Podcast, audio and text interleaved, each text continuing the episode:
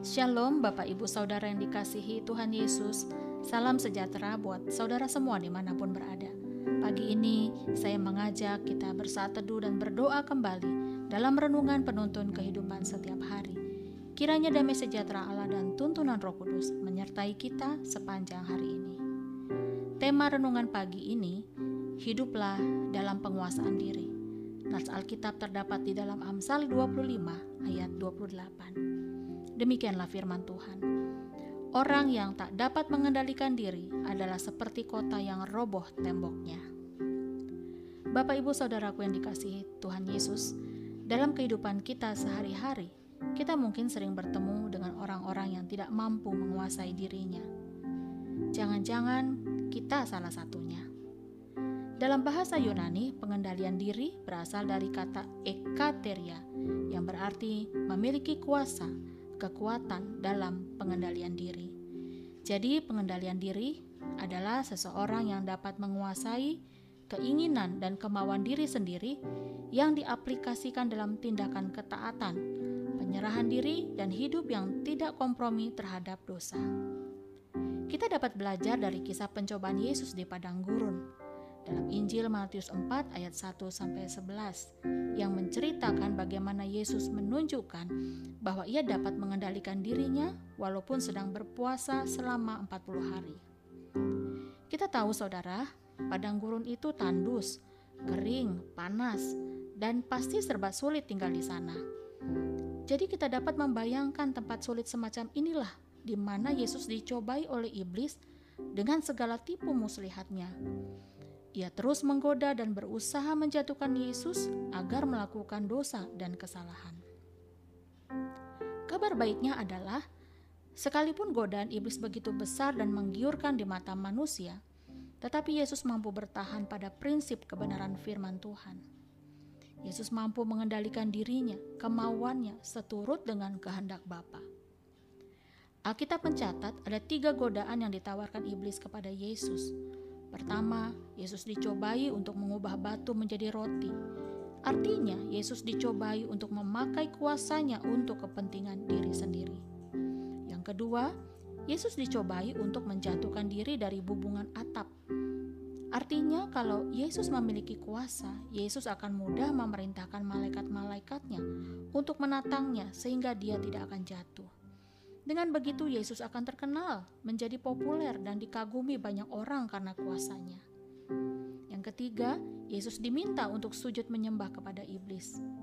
Ini godaan untuk menjual harga diri demi kekuasaan. Saudara, kita sudah sama-sama memahami dengan sangat jelas bagaimana sikap Yesus terhadap pencobaan dalam hidupnya. Ia memutuskan untuk tidak kompromi terhadap kejahatan dan dosa. Inilah pengendalian diri Yesus yang patut kita teladani. Saudara, apakah arti orang yang tak dapat mengendalikan diri adalah seperti kota yang roboh temboknya? Artinya adalah bahwasanya jika kita tidak mempunyai penguasaan diri, kita akan rentan jatuh ke dalam dosa, bahkan merusak, menghancurkan kehidupan. Kita pelajari di Alkitab, karena Kain gagal menguasai dirinya, ia menjadi panas hati terhadap Habel karena persembahannya tidak diterima oleh Tuhan. Kain pun akhirnya membunuh adiknya.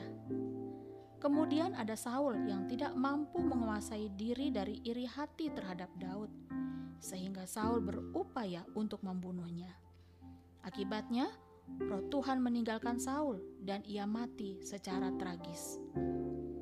Ada pula Raja Herodes Herodes menjadi cemas sampai panas hati ketika mendengar berita bahwa telah lahir raja orang Yahudi di Bethlehem. Dia merasa tersaingi dengan kehadiran bayi yang dipercaya akan menjadi raja orang Yahudi. Oleh karena itu Herodes menyuruh untuk membunuh semua anak di Bethlehem dan sekitarnya yang berusia dua tahun ke bawah. Jadi saudaraku, pelajarannya adalah jika kita gagal mengendalikan diri kita, dari situasi yang memanas dalam kehidupan sehari-hari, maka kita akan mudah jatuh ke dalam dosa. Nah, adakah kita memiliki tantangan dalam pengendalian diri? Mungkin kita mudah marah, mudah sakit hati, sehingga kita bisa saja kehilangan pekerjaan, kehilangan berkat yang Tuhan sudah sediakan bagi kita. Mungkin kita suka bertengkar, kita suka negatif thinking sama orang, suka menghakimi. Akibatnya kita tidak disukai orang. Bahkan tidak sedikit rumah tangga akhirnya berpisah atau bercerai. Mungkin kita tidak bisa menguasai diri dalam hal makanan. Banyak makanan yang enak untuk dimakan, tetapi menjadi tidak sehat jika kita makan berlebihan. Anak-anak muda pun, jika tidak dapat menguasai diri dalam pergaulan, tentu dapat terjerumus dalam pergaulan yang salah.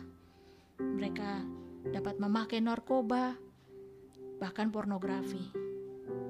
Jadi, mari perhatikan dengan baik, saudara, betapa pentingnya kita hidup di dalam roh karena memang menjadi orang yang memiliki penguasaan diri tidak gampang, tetapi bukan berarti tidak bisa diusahakan.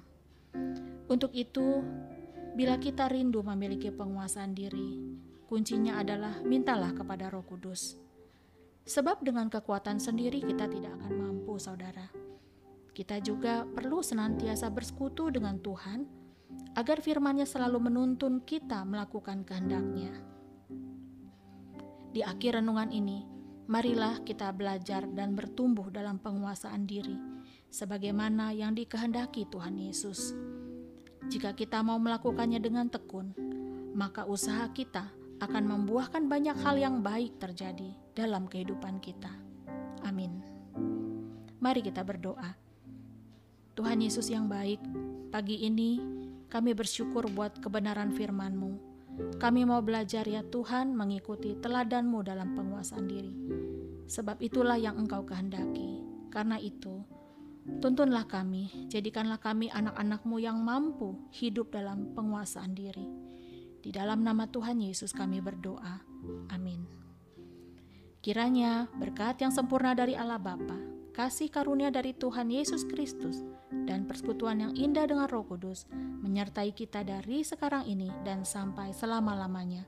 Maju terus dalam tuntunan Tuhan saudara, tetaplah semangat, sampai jumpa esok hari di penuntun kehidupan setiap hari. Tuhan Yesus memberkati.